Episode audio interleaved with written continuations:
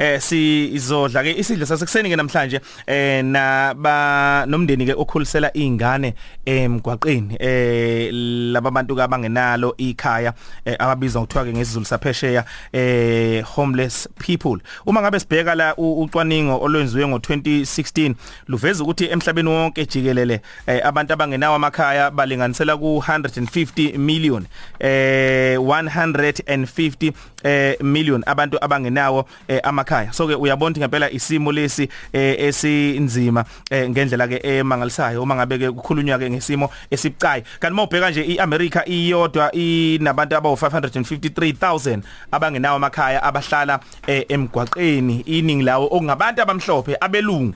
Abaswela amakhaya abahlala emgwaqweni lapha nayo kwelase America. Kanti ke la eNingizimu Afrika babalela ku 200000 abantu ke abahlala emgwaqweni abangenawo amakhaya. So ke uyabona ngempela ke isimo lesi esibucayi kakhulu ngoba mawubheka lezi zibalo ekhishela zibalo zo 2016 ibalo zo 2017 no 2018 akwaziyo ukuthi njengamanje isibalo singakanani njengoba ke sinyuka usuku nosuku uma bekhulunywa ngabantu abahlala emgwaqweni Namuhla ke eh, kusona isidlo sasekuseni sithe ake sinike isikhathi sixoxisane nabo labo abakhulisa abantwana emgaqweni kunemndeni la ngaphandle umndeni ophelele uthola ukuthi kodwa ke abanamakhaya sinazo ke ihambeli zethu namhlanje umama umhlongo eh, usihlale nabantwana bakhe usezoba nabazukulu bawu 8 uma sebephelele bawu 9 ngaye sabona mama umhlongo hmm. Yebo. Eh no Zandile uZandile una 20 years eh bawu 7 ekhaya. Sabona Zandile? Yebo.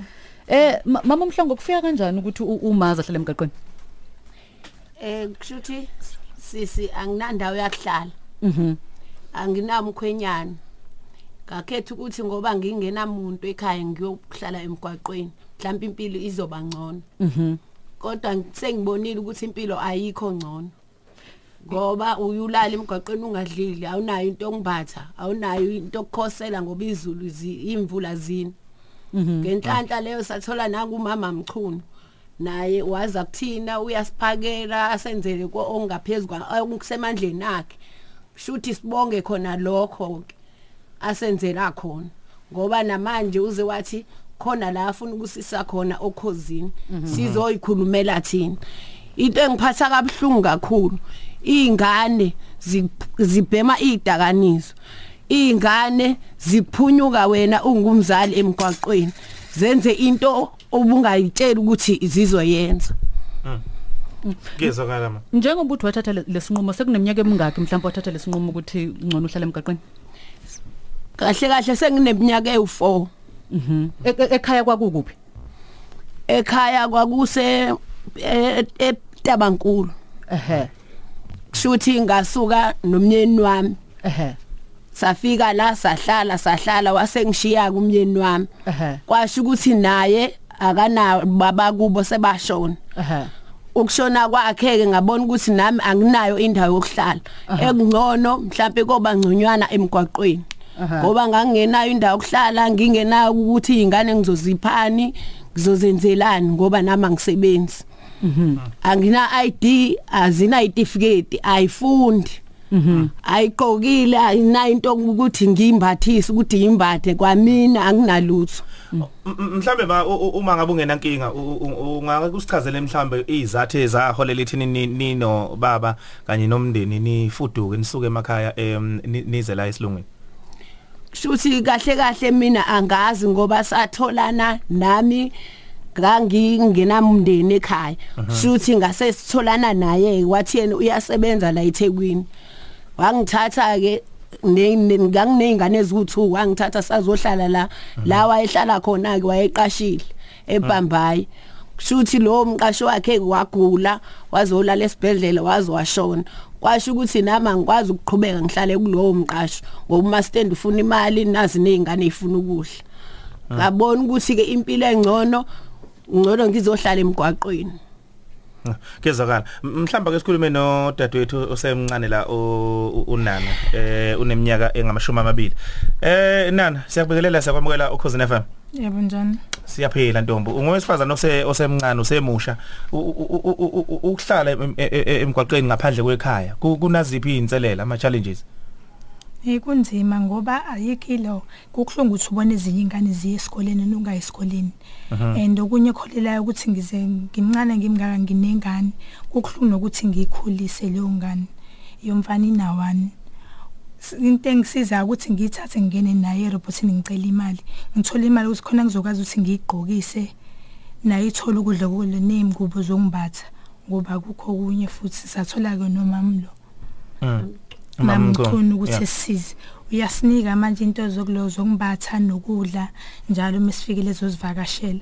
Lokho kuyasiza akufani nasekuqaleni. Kodwa into eshayayo nje indawo yokuhlala ngoba menginethe yasinethe imvula.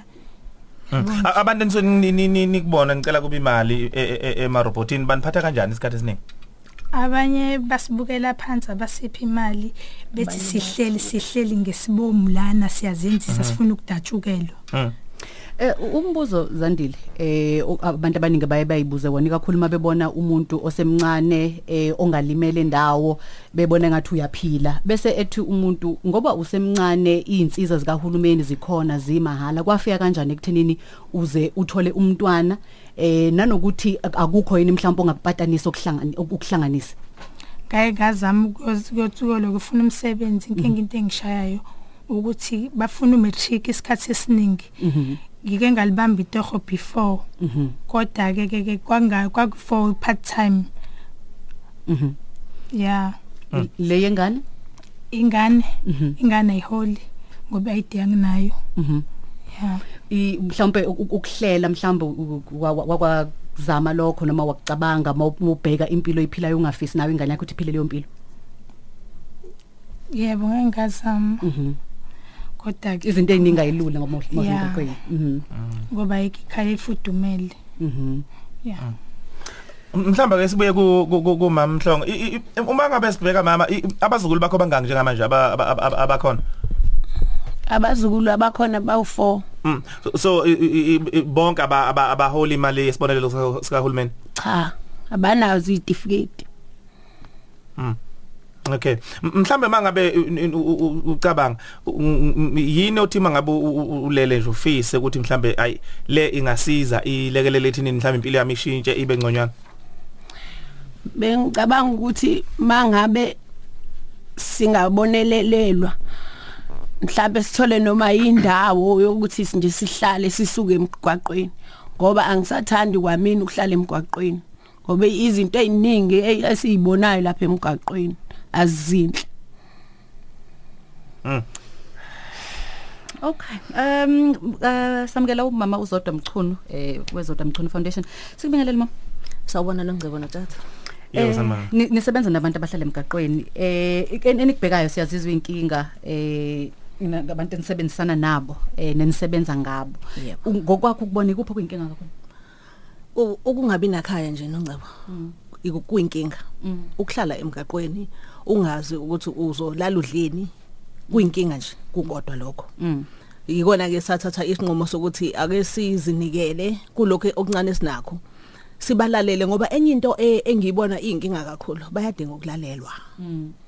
ngoba ba- basibona be be- bengenaye umuntu obanakile uma uphuma noma ngabe kuthiwa uphethe lutho esandleni kodwa uzofika ubalalele uzwe inkinga zabo baye bebone ngathi ithemba liyabuya ilokho ke okungenza ukuthi ngasondela kakhulu kubona Leyo kungabi namaphepha ilungiswa kanjani le? Iyalungiseka? Ingalungiseka? Ingalungiseka nongcebo ngoba ba ba- bebenawo ama IDs kukhona abantu ababebe nawo alahleka Zalahleka izinto. yes Ngoba la indawo beke kuyona. Ng- ayikho indawo makufika imvula ku- kuyanetha um, ku- kumonakalo bayamuva la bahlale ngala kusasa uyabafica bekho la kade ub- ubagcine khona. Sekufanele ukuthi urawondeke yonke imigwaqo ngoba uyabazi So bahlale bebheka indawo engconywana. bahlale bebheka indawo engconywana. Kodwa ngoba sengiyabazi ke mina ngisebenza nabo ngiyazi ukuthi uma ngingabatholi la ang- angirawonde la kodwa ngizogcina ngimtholile oyedwa. Ngibuza ukuthi umama umhlongo ngoba i- kahle kahle imndeni lapha emgaqweni mhlambe i- more than 10 Imndeni imndeni. imndeni Hayi umuntu Yebo. ohlala ngiyedwa imndeni U- uthola ukuthi umama nezingane kuhleliwe nje and ingane o- encane kakhulu kunazo zonke ino 5 months Hey bakithi.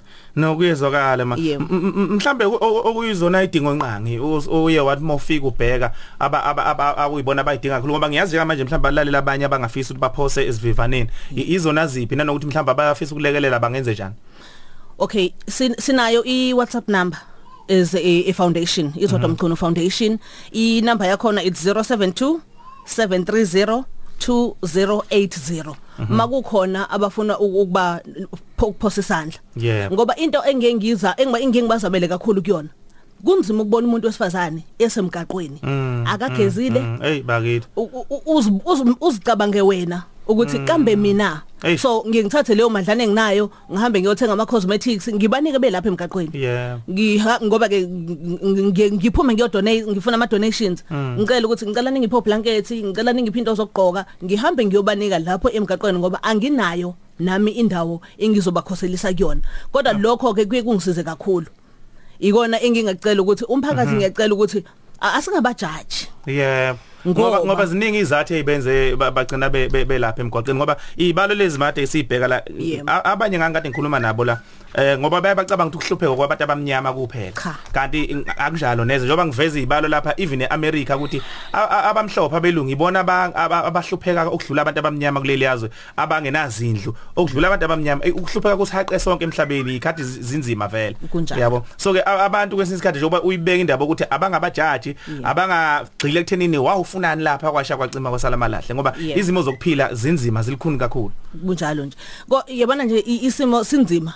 Jatha angifuni kamamanga yabona njengoba ngisebenza nabo kwesinye isikhathi ngiye ngize ngifisa ukuthi engathi ngingathola amaphilisi okulala kwamina. Mm mm mm ngoba akumnandi ukubona umama nengane encane Ey, ucabanga bakithi. ukuthi fanele ngabe uyayigeza lo mama lengane yakhe manje fanele ngabe idlile kodwa ayidlile I- izodla isinkwa ngoba iyona into engizokwazi ukubathengela yona ngeke ngikwazi Yeah. ukubaphekela. Izodla isinkwa idle lokho akakudlayo. Ingane encane eno 5 eno 5 months.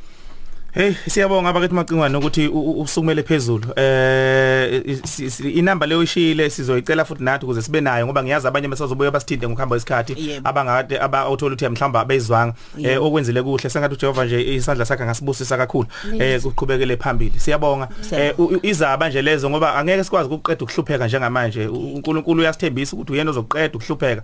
Kodwa ke izaba nje sizenzayo ukulekelela eh ku- ku- kungaba ngcono kakhulu bandla. Siyabonga. Kodwa nakhe ngithanda ukuphetha ngakho Yebo. macingwane yebo uJesu nge- ngekhathi esemhlabeni wathi sezobuyela ezulwini wanxusa ukuthi asothandaza sithi baba wethu sezulwini igama lakhe alingcolise umbuso wakho ufike. Wayekushisa uJesu lokho ngoba vele izimo zokuphila wayezasi kwakunzima nangekhathi zakhe. So ke wakubeka kwacaca ukuthi umbuso kaNkuluNkulu kodwa yiwona oyoqeda zonke lezi ingqinamba esibhekana nazo. Umbhalo kaIsaya 65 Yeah. amavesi 21 kuya 24 uthi lapho umbuso kaNkuluNkulu usufikile ngoqinisekile abantu bayokwakha izindlu bahlale kuzo na kanjani bayotshala ivini bahle ithelo zazo. Ngeke bakhe kuhlale omunye ngeke batshale kudle omunye. Ngoba insuku zabantu bami ziyoba njengeinsuku zomuthi nomsebenzi wezandla zabo abakhethiweyo bami bayosebenzisa ngokugcwele. Ngeke bakhandlekele ize noma bazalele ukuhlupheka.